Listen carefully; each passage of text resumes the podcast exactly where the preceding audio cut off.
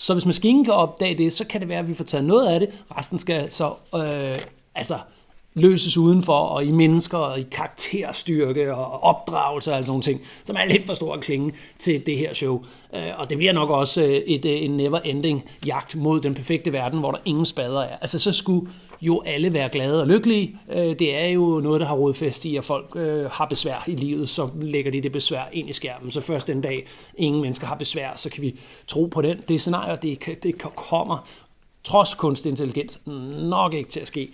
Så desværre, fordi vi er for mange på kloden, og ikke alle de har alle pengene og al den kærlighed og alle det tidskolen, de gerne vil have, så løber ind på nettet og brokker sig og det så og hater. Så mm, det er nok et problem på lang bane. Men kunstig intelligens og kunstig intelligens skal gøre noget ved det, det er pis godt. Den anden nyhed, der kommer fra TikTok, gør det muligt for kreatører at slå et filter til, når filteret er slået til, så er det kun kommentarer, som er godkendt af kreatøren. Der står der, det vil sige, når de næste ankommer, læser, så er der ikke noget hate. Så bliver man ikke inspireret til at lave hate. Så kan der være, der er nogen, der tænker, hov, der mangler hate. Så må jeg nødt til at være den, der hater. Men så har man den anden funktion. Hey, pst, du er en kæmpe idiot nu. Gider du virkelig at være den, der hater her?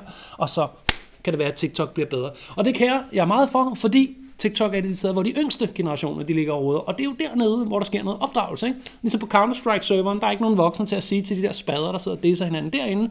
Øh, hvis vi ser bort fra 43-årige mand, der ikke stopper med at spille Counter-Strike, selvom man er kommet lidt op i årene, hvor folk lige tænker, er du ikke lidt, være lidt for gammel for det der? Nej, jeg synes stadig, det er sjovt at skyde.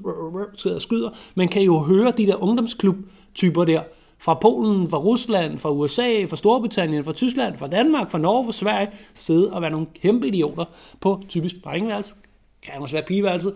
Altså, regner den er galt med, når de sidder og mega sviner hinanden til, eller sviner mig til, bare fordi jeg ikke kan ramme et simpelt lille headshot med en AK-47 på Mirage.